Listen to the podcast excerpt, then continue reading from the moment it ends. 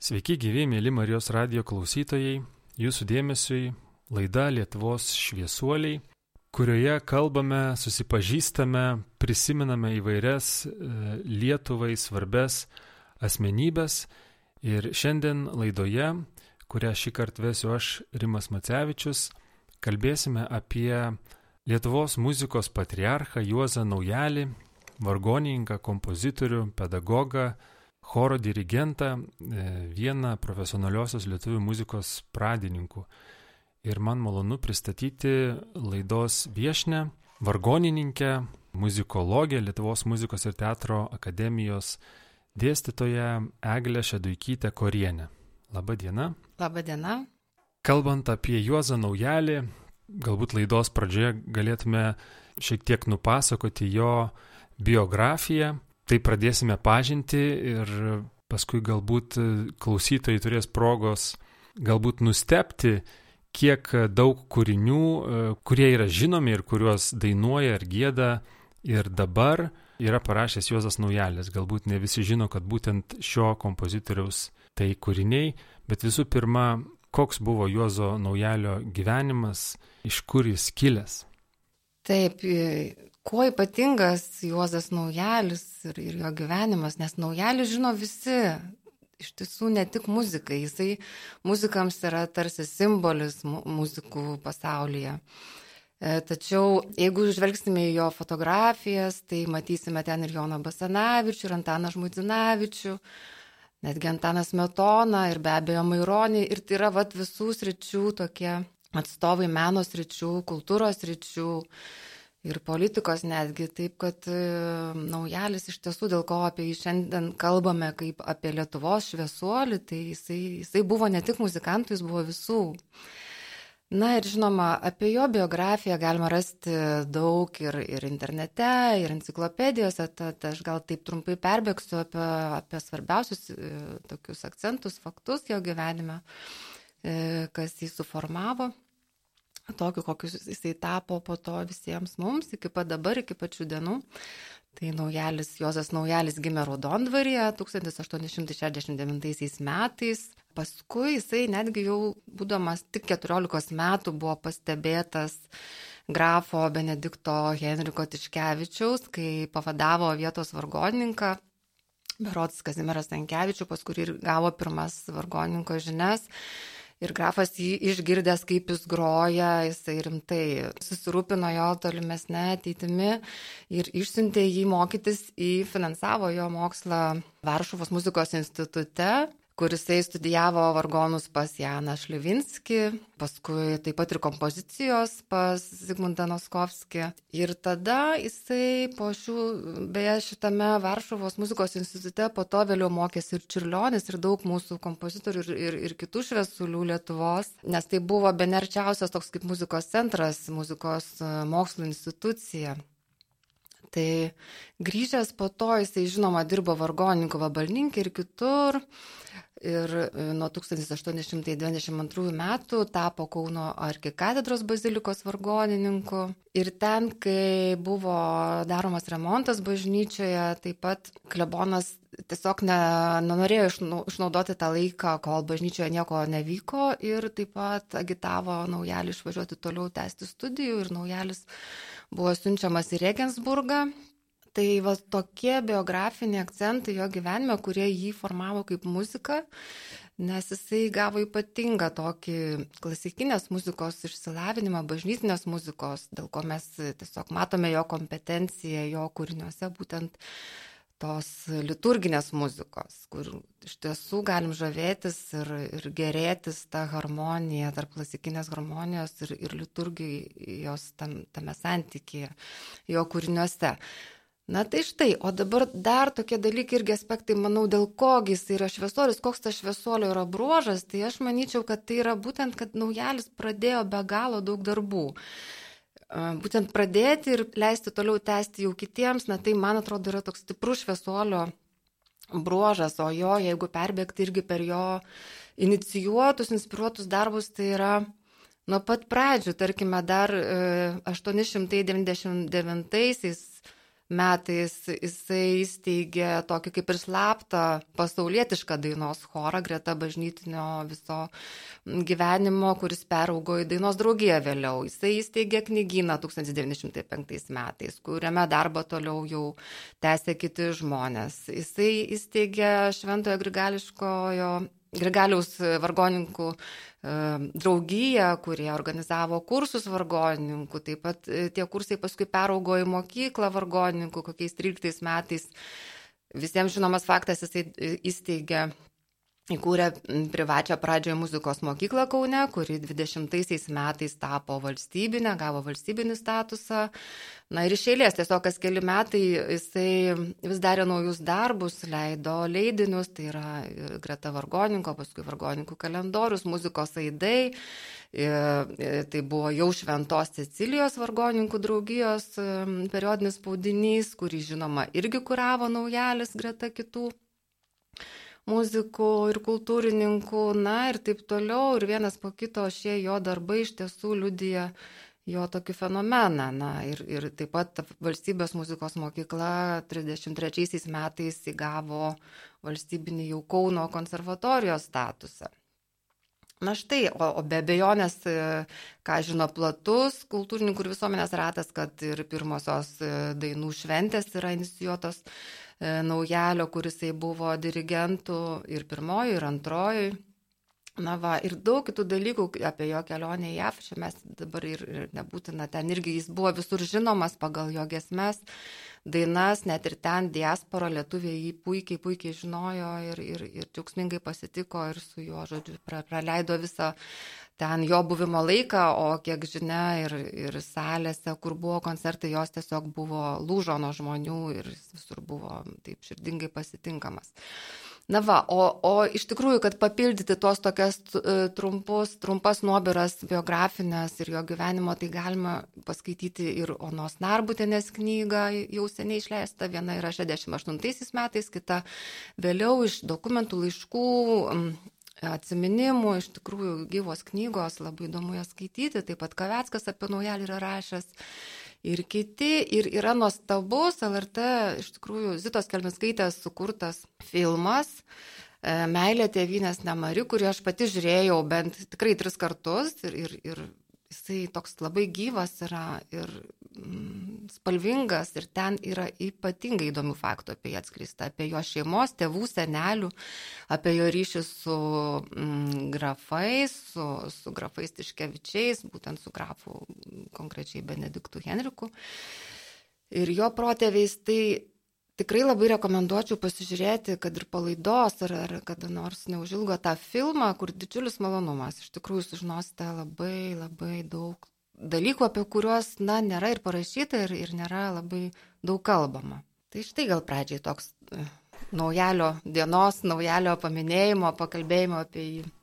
Taip, tikėkime, kad, kad e, daugelis susidomės ir dar labiau norintis pažinti naujalį, jūsų išvardintus šaltinius ir, ir, ir filmą turės progą pažiūrėti. E, naujalį e, pastebėjo vargonuojantį ir, ir jam jo talentą, kažkaip jo, jo, jo grojimą pastebėjo ir siuntė mokytis, bet e, jis kilęs iš valstiečių, iš paprastos šeimos ir liktai savo aplinkoje neturėjo to muzikavimo pavyzdžio, iš kur toks jo talentas, iš kur tie gabumai, ar tai būtų galima kažkaip tai paaiškinti, ar būtent vargonavimas, vargono pavyzdys e, raudondvarė, galbūt jisai pats kažkaip yra išskyręs ir yra žinoma, kaip jis būtent e, būdamas iš valstiečių šeimos, iš paprastos šeimos susidomėjo muzikavimu.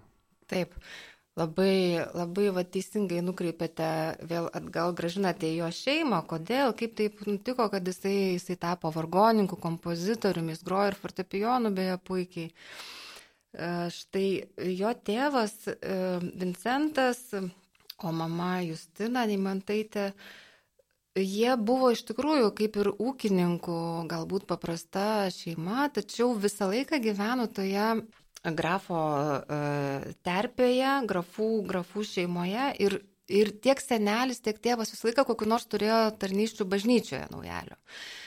Zakristijono bažnyčioje, žodžiu, įvairių, įvairių darbų turėjo ir naujalis taip pat taip pat e, ten daug leido laiko ir jisai turėjo prieimais, galėjo, jis visą laiką girdėdavo vargonus, jisai būdavo mišiose, žinoma.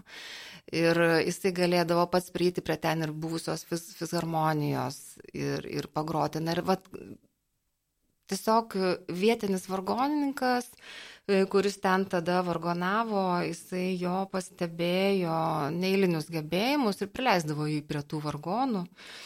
Ir galbūt taip kažkaip, taip matyt, susiformavo tas jo ta pati pradžia, kad jisai turėjo, kad jisai girdėjo ir jisai žavėjosi vargonais ir jisai nebuvo bejingas ir jisai grįždavo ir grįždavo į tą bažnyčią.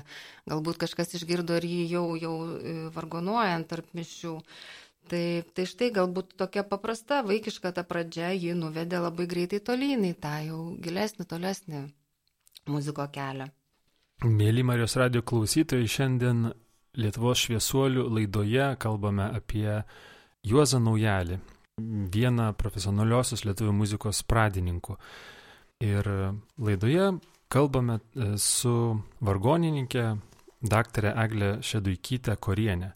Ir dabar siūlau padaryti tokią muzikinę pertrauką ir paklausyti e, Juozo Naujalio kūrybos. Girdėsime trumpą preliudą F-dur O Dieve tėve, iš rinkinio Juozas Naujalis kūriniai vargonams. Vargonuoja Audra Telksnytė. thank you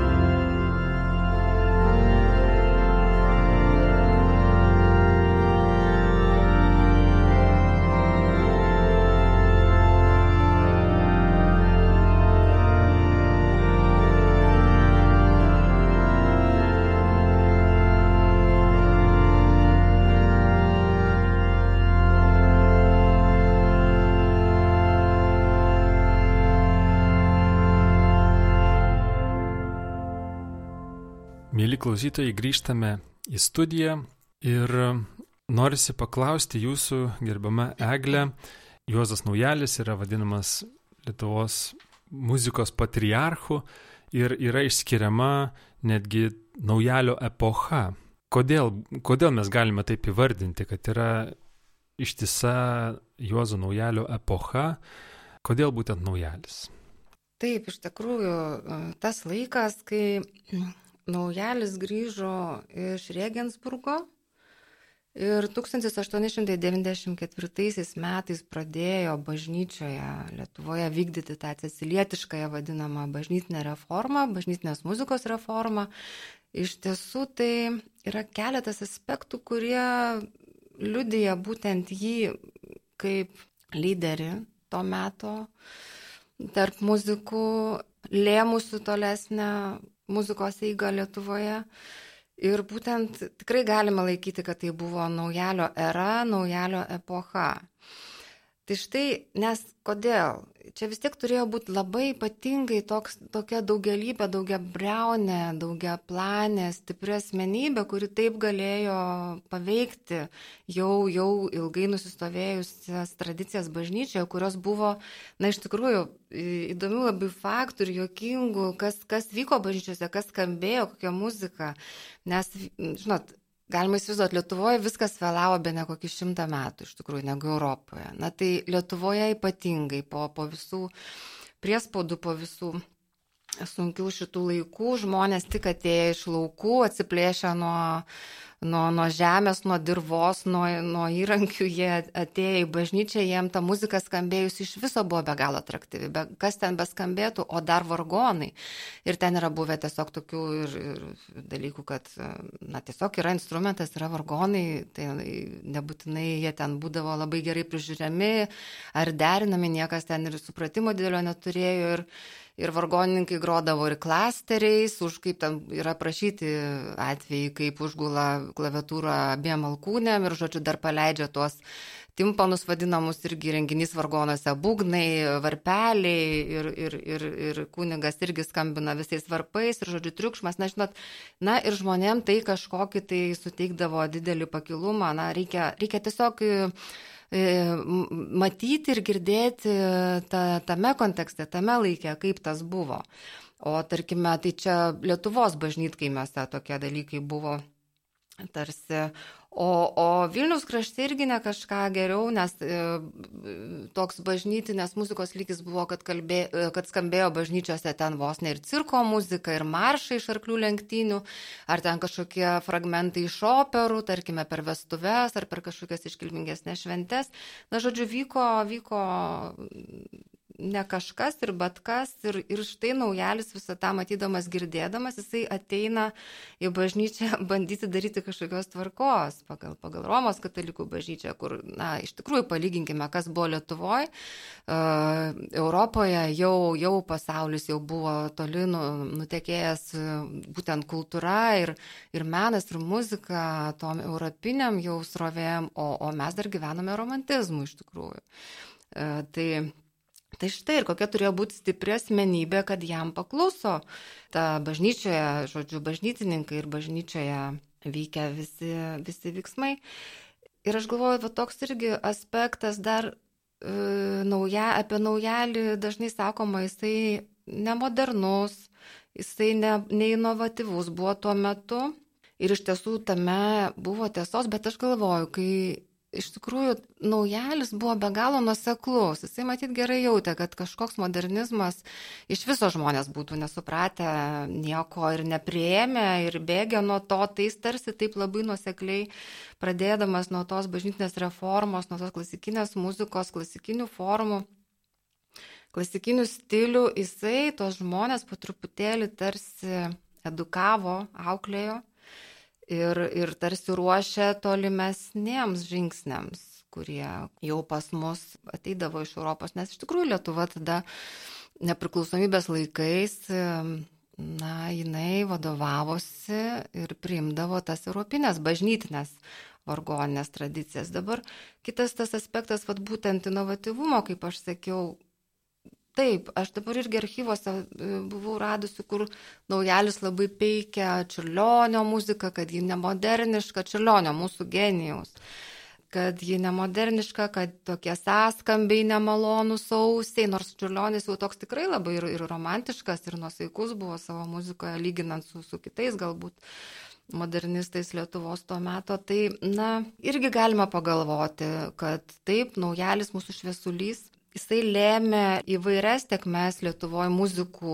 toliau formavimosi, jų edukavimo ir, ir jo palaiko, palaikymas, būtent aš dažnai susimastau apie Čiurlionį, kad galbūt ir kitaip būtų nulėmęs šio jaunojo mūsų genijaus e, labai anksti mirusio tolesnį profesinį, tą kūrybinį gyvenimą. Nes jaunam menininkui palaikymas, yra iš tikrųjų labai svarbu. Na, jis jo, jo neturėjo. Tačiau naujalis, aišku, mąstė plačiai ir jisai matyt mm, koncentravosi į bažnyčią.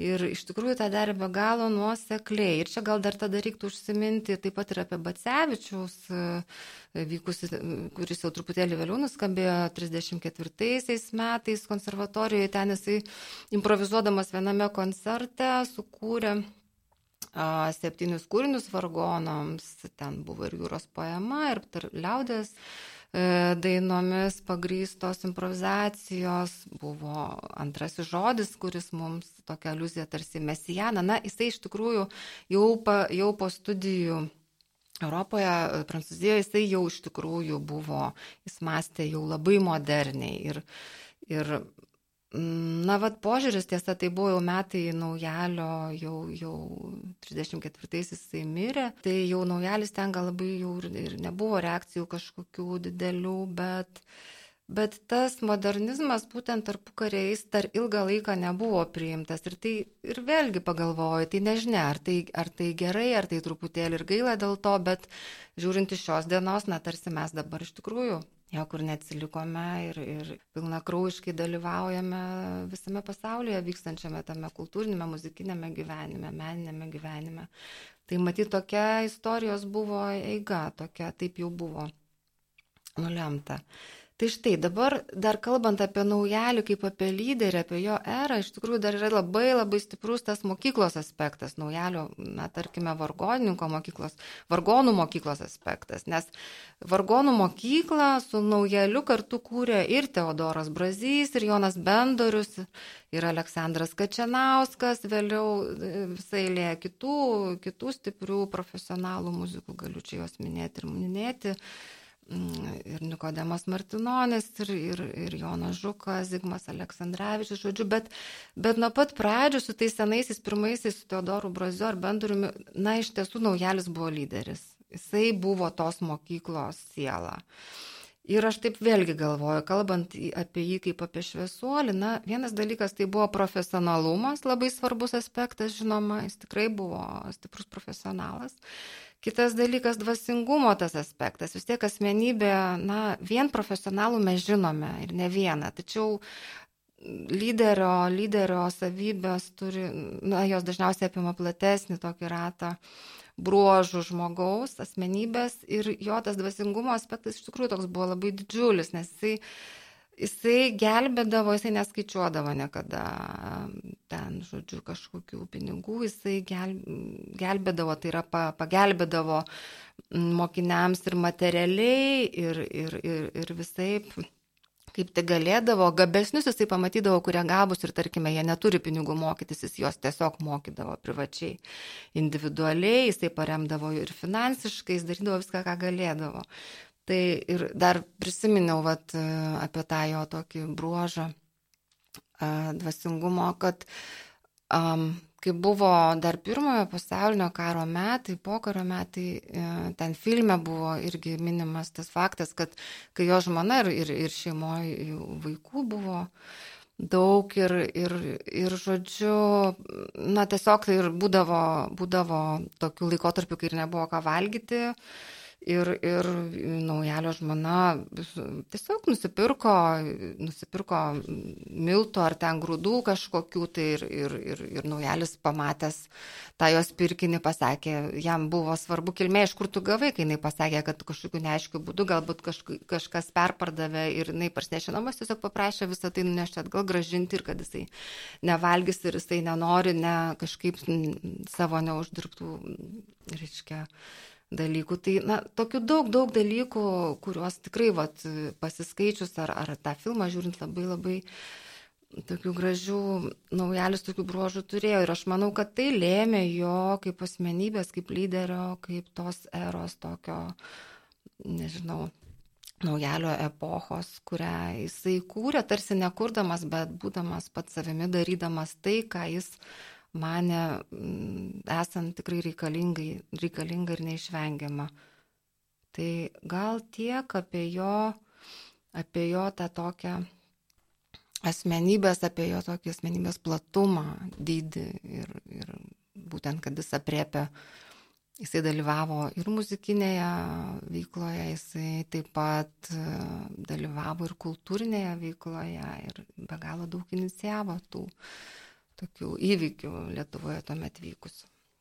Ne vienoje vietoje radau tokią naujalio citatą, kurią jis sakė savo sūnui ir man kažkaip irgi labai liktai atskleidžianti e, naujalio asmenybę ir pailustruojanti tai, ką jūs e, sakote, jo įtaką įvairiose srityse, jo lyderystės savybės, jo buvimą pirmu daugelį vietų. Tai kai sunus dėl kažko skundėsi, dėl kažkokių nesėkmių, Juozas Naujalis savo sūnui atsakė, ko tu stebėsi ir galop nori.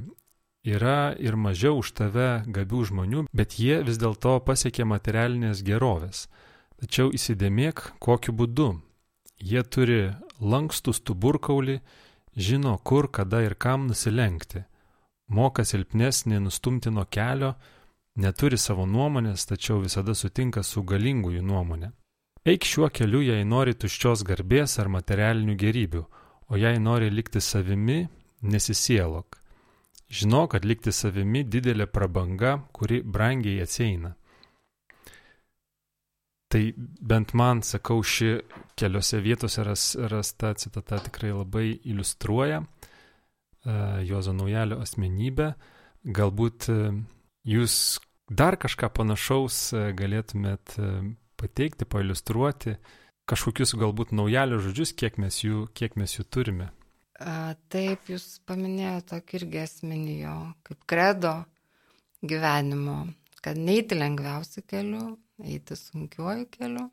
A, ir jisai, taip, man dar irgi įsiminė, berots šio filmo pabaigoje nuskambėjo naujalio žodžiai, kuriuos jisai pas pasakė, kad mes visi žinome, kiek jisai daug padarė, kiek jisai daug siekė, o jisai sako, Dabar, kai atsigrėžiu atgal, aš matau, kiek aš dar daug ko nepadariau, kiek aš dar daug ko galėjau padaryti. Jisai tikrai buvo savo be galo reiklus, labai kritiškas, na, iš šių žodžių galima spręsti. Ir taip pat, kadangi daug tikrai domėjausi apie jo kaip vargonininko mokyklą to laiko, kaip jisai mokė savo mokinius, tai jo tokie pagrindiniai bruožai, jau geri bruožai mokinio yra darbštumas, tropumas, reiklumas savo, na, ta disciplina, kaip ir vat jūs ką tik pasakėte, ką jis pasakė sūnui. Tai žodžiu, vieni yra gabus, talentingi, jo apdovanoti Dievo nuo pat gimimo.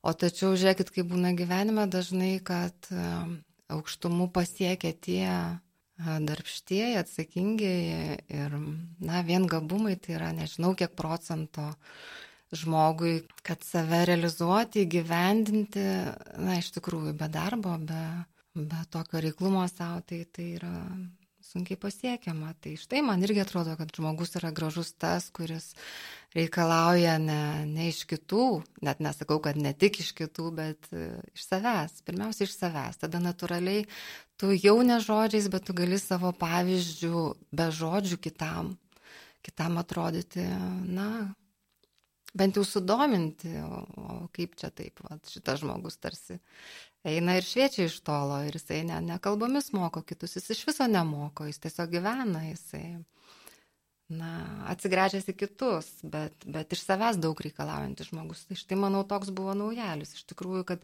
jisai nepasakė kažkokių pasigėrėjimo žodžių, kad štai dabar galiu ramiai išeiti, nes aš daug padariau. Ne, jis atvirkščiai sako, kiek aš dar daug nepadariau, kiek aš dar galėjau daug nuveikti. Tai štai. Pasiklausykime dar muzikos Juozo Naujalio kūrybos. Neoficialių Lietuvos himnų vadinamas kūrinys Lietuva brangi Maironio eilėmis atlieka Liudas Mikalauskas ir valstybinis Vilniaus kvartetas.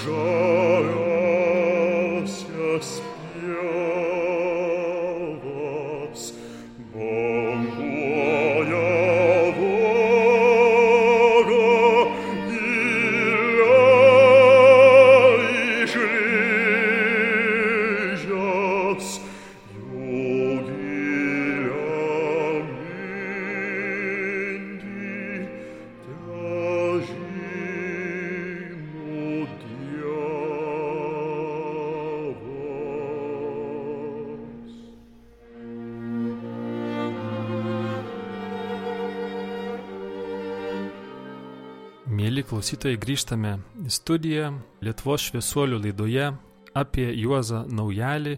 Šiandien studijoje pasakoja vargonininkė daktarė Eglė Šeduikytė Korienė. Juozo Naujalio gimimo, 150-osios gimimo metinės, buvo minėtos prieš du metus, buvo paskelbti Juozo Naujalio metai. Tai atrodo tikrai pabrėžiamas e, šio patriarcho svarbumas Kaip jūsų žvilgsniu atrodo ta sąsaja su šiomis dienomis, ar pakankamai naujalį atsimename šiandien, ar jisai tebėra pakankamai aktualus, ar grojami jo kūriniai, ar likęs tas tiltas į šias dienas. Galbūt netgi galėtume ir paminėti tuos kūrinius, tas dainas, kaip minėjau pradžioj laidos, jos tikrai yra žinomos. Taip, manau, kad aktualus naujalis šiandien ir tai priklauso nuo mūsų, kaip jis bus aktualus. Nes mes, aš kaip kartais ir pagalvoju, tai naujalis, pat įsiklausykim net jo pavardę, aš galvoju, naujalis, ne koks senelis, bet naujalis ir tais laikais naujalis. Tai štai... Nors kažkur skaičiau, kad jisai pasirašydavo slapyvardžių senis vargonininkas. Būdavo taip, taip. Ir iš tikrųjų, vat, jūs, jūs įvardinot, jūs žinot, ten dar ilgai buvo spėliojama, ar tai buvo tikrai naujalis, ar ne koks kitas vargonininkas, nes ten dažnas pasirašydavo slapyvardžiais, kurie ypač norėdavo ten ir pasiskūsti, žodžiu, kaip, kaip, kaip negerai, kokie maži uždarbiai ir kiek daug darbo, tai jie slapyvardžiais rašydavo, bet taip, taip. Tam irgi tiesos, o naujalis aktualus, taip, aš šiandien irgi, štai aš atsinešiau be galo gražų leidinį išleistą 19 metais per jo 150 metų paminėjimo metus, kur ir šie metai, beje, skirti naujalio metai buvo vadinami. Tai štai sudarytas leidinys yra Pauliaus Grigonio ir redaguotas Balio vargoninko Balio Vaitkaus.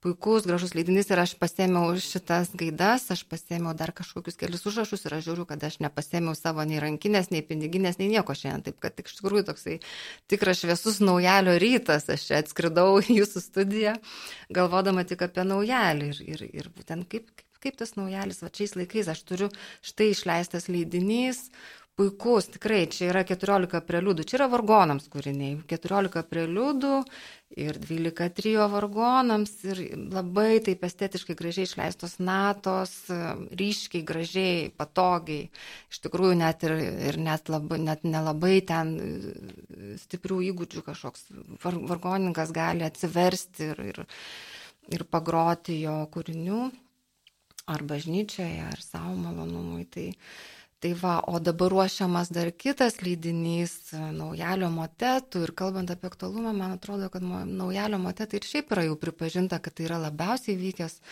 jo muzikinis žanras, tos chorinės muzikos e, naujalio motetai, man atrodo, iš viso gali būti tokia ateities muzika išliekanti. Ir dabar yra atrasti nauji beveik 30 naujų iš rankraščio atrastų motetų, kuriuos mm, atrado, čia aš norėčiau paminėti Živilę Stonytę, e, Vilniaus grigališkojo choralo studijos mokyklos, jinai buvusi ir vadovė, ir, ir prie kūrimo tos mokyklos jinai dalyvavo stipriai ir vadovavo, ir yra tikrai stipri grigališkojo choralo uh, na, tyrinėtoja ir, ir puoselėtoja, ir, ir, ir teoriškai, ir praktiškai jinai jį gėda ir, ir analizuoja. Žodžiu, ir štai jinai e, tiesiog naujalio metams buvo suplanuota Lietuvos muzikos ir teatro akademija, norėjo išleisti leidinį, galbūt naujai redaguoti, jau ir anksčiau leistų ir Živilė atrado Lietuvos kino teatro ir muzikos e, muziejuje atrado naujalio rankraščius, visiškai niekam nečiupinėtus, nežinomus. Ir, ir, ir štai tas, tas dar vienas leidinys, greta dabar jau esamo vargonų kūrinių, netrukus irgi iš vis dienos šviesą. Ir tai iš tikrųjų bus didelis įvykis Lietuvoje. Žinoma, palydimas koncertų, O tie motetai ten yra kapeliniai kūriniai, jie manoma, kad jie buvo kūriami ir skirti tuo, tuo, tuo metu uh, gėdami kunigų seminarijos choro vyrų balsams. Tai va, tai bus be galo įdomu ir mes visi nekantriai laukiam pasirodant. Tai irgi liudija naujalio aktualumą. Štai pražiūrėkit, kiek praėjo laiko, 150 metų, o tik dabar iš, į dienos šviesą išeina kai kurie jo kūriniai, net galim turbūt būti nustebinti, kad vieni iš tokių esminių, svarbiausių, reikšmingų kūrinių. Tai, tai štai dabar um, Dar anksčiau gal galėjau užsiminti, kad dėl ko tas naujalis yra žinomas ir, ir, ir kitiems kultūrininkams, nes į bažnyčią ateidavo įvairių sričių menininkų ir kultūros atstovų, o tengi kas trečia gesmė ar sukurta, ar harmonizuota, tai yra naujalio e, su Maironiu. Tas bendradarbiavimas irgi nulėmęs yra tą naujalio labai labai ir tuo metu aktualumą. Ir štai dabar mes gėdam ir Lietuva brangi. Ir jaunimo gesmė yra, yra, na, sakyčiau, vis dar populiari ir vasaros naktis. Na, žodžiu, tai va, tiek bažnytinės, tiek pasaulietinės dainos yra, yra dabar taip pat gėdamos. Na ir kalbant apie tą tiltą iš tarpukario, iš šias dienas, testinumą liudija kūriniai kūriniai naujalio, kurie šiemet, tarsi, e, ne šiemet, o, o šiais laikais tarsi atgimsta ir tai iš tikrųjų nuo mūsų priklauso. Juk tuos, vad, kur yra leidinys, kur sakiau, nuostabiai gražiai išleistas leidinys, nacionalinės vargoninkų asociacijos, būtent vargoninkus jungiančios bendruomenės.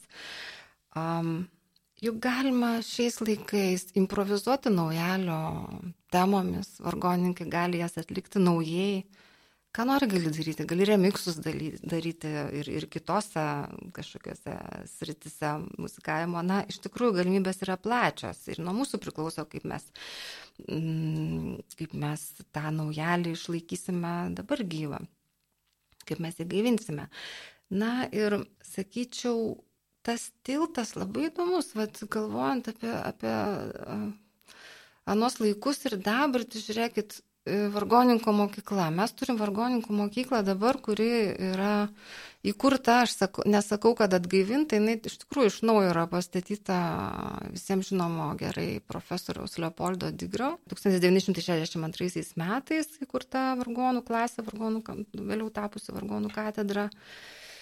Ir tarsi šitos dvi mokyklos, tarpukurio ir ši, sakykime, nelabai turi ką bendro. Ši mokykla profesorius Digro yra kitais tokiais ideologiniais pagrindais e, įkurta. Bet toks įdomus dalykas, aš, aš anksčiau susimaščiau, tarsi kažkoks, vat, per, nes žiūrėkit, e, naujalis iškeliavo iš šio pasaulio 34 metais rugsėjo 9. -ąją. Ir net ir ši laida turbūt šią dieną kažkur tai šiuo, šiuo, šiuo metu pasieks klausytoje. Tai va, o, o profesorius e, Leopoldas Digrys yra gimęs rugsėjo 8. Na tiesiog jie tarsi apsikeitė vietom, tarsi kažkoks man toks mes ne, nekalbėsime apie kažkokią reinkarnaciją ar persikūnymą, bet Bet įdomus tokie sutapimai, kuriuos mes galim laikyti atsitiktinumais, bet tarsi vienas patriarchas iškeliauja ir ateina į šitą pasaulį kitas, kuris tą mokyklą Jeigu žiūrėsim profesiškai, ne, nepasakysime, kad jis ją atstato, kokia jinai buvo, nes aš toje Digrio mokykloje, kur toje taip pat mokiausi ir apie tarpukario mokyklą nebuvo kalbama, mes nieko nežinojame. Ir užtat buvo atradimas atrasti, kad mes visgi turime šaknis, turime praeitį tą tarpukario vargoninkų mokyklą Ir šitoj mokykloje mes, mes stipriau, nežinau, tikrai, man tai buvo nuostabus atradimas, kad neprasidėjo viskas nuo sovietmečių įkurtos, tikrai labai stiprios vargonų mokyklos, kuri iki šių dienų tebe gyvuoja ir skleidžiasi, bet mes turime gilesnės šaknis ir ištakas. Tai štai tarsi kalbant apie aktualumą ir testinumą ir tą tiltą, tai man iš tiesų profesoriaus Digrio toliau daromi darbai, galbūt sakau, kitokioje šviesoje, bet taip, tai yra, tai yra pratesimas, tai yra testinumas, mes realiai ne, neatsiradome iš niekur. Tai taip, tai va toks aspektas man irgi atrodo svarbus. Na ir taip, mokykla kūriniai naujalio, kurie skamba ir skambės ir tikrai atgimstantis šiomis dienomis. Tai yra tokie, tokie faktoriai, liūdėjantis tą jo aktualumą ir dar priklauso labai nuo mūsų, nuo, nuo muzikų, kiek mums jis yra svarbus, kiek mes jį palaikysime toliau gyvą, kiek mes jį atliksime, ką mes su juo darysime ir kad tai būtent naujalis naujalis, nesenelis. Mes jį tikrai galime naujai išgirsti, naujai atlikti, naujai pažiūrėti. Ir čia, vad be kalbėdam, irgi prisiminiau, 19 metais ir buvo koncertas, e, kuriame buvo atlikti šie naujai išleisti kūriniai vargonams, opusai naujalio. Atliko trys vargonininkės - Indrė Gerikaitė, Vida Prekerytė ir Audra Telksnytė tuos kūrinius. Iš tų natų taip pat yra išleistas CD, yra albumas išleistas tų kūrinių įrašytas. Ir, žinot, iš tikrųjų buvau tam koncerte ir aš pagalvojau, kaip naujalis gali suskambėti iš tikrųjų naujai nes net porą kartų aš atsisukau atgal į vargonus ir žiūrėjau, ar iš tikrųjų čia skamba tie patys vargonai, interpretacija. Čia norėčiau paminėti vat, ir Audrą Telksnytę, kuri iš tikrųjų nustebino naujalį atlikdama labai naujai. Jisai suskambo, na žinot, nes kai tos mokyklos mes klausome, klausome kompozitorių, na tai toks, na gerai, naujalis, tai jau čia jau miegas pradeda imti ir, ir žodžiu, kad bus ramu, nelabai gal įdomu ar ką, bet ne, nuo mūsų priklauso, kaip mes juos interpretuosime, mes tikrai galime daug naujų dalykų padaryti. Tai, tai štai, tai aš kažkaip to ir linkėčiau, į naujalį pažiūrėti ir naujai ir naujai būtent jį iš naujo dabar atgauti iš tų senųjų šaltinių, na tai iš tikrųjų yra didelis įvykis ir didelė šventė mums ir turėti, branginti jį labai, labai jį branginti. Aš pats, tiesą sakant, irgi nustebau radęs kelis gesmių pavadinimus prie naujalio kūrybos ir iki tol nežinojau, kad kur bėga ši šupė, pulkim ant kelių, Sveikas Jėzau gimusis kalėdinė gesmė, gul šiandieną kalėdinė gesmė yra naujalio kūriniai. Tad laidos pabaigoje siūlau paklausyti būtent gesmės Pulkim ant kelių, skambančios šio laikinės populiariosios krikščioniškos muzikos stiliuje. Ja įrašė ir išleido šlovinimo grupė Ichtus savo albume 3. Gražu, kad Juozas Naujalis buvo įkvėptas XVIII amžiaus pabaigoje, XIX amžiaus pradžioje gyvenusio kunigo poeto Antano Strasdo melodijos šiam kūriniui, o Ichtus savo interpretaciją toliau gaivina šį kūrinį ir palaiko giesmės gyvybę. Tikimės jums buvo įdomu kažką naujo sužinoti apie naujalį, galbūt busite įkvėpti, kas nuo jūsų priklauso tiesti tą tiltą, apie kurį kalbėjo Eglė. Taigi šiandien Lietuvos šviesuolių laidoje kalbėjome apie Lietuvos muzikos patriarchą Juozą Naujalį. Studijoje svečiavusi vargonininkė, menotyrininkė Eglė Šeduikytė Korienė.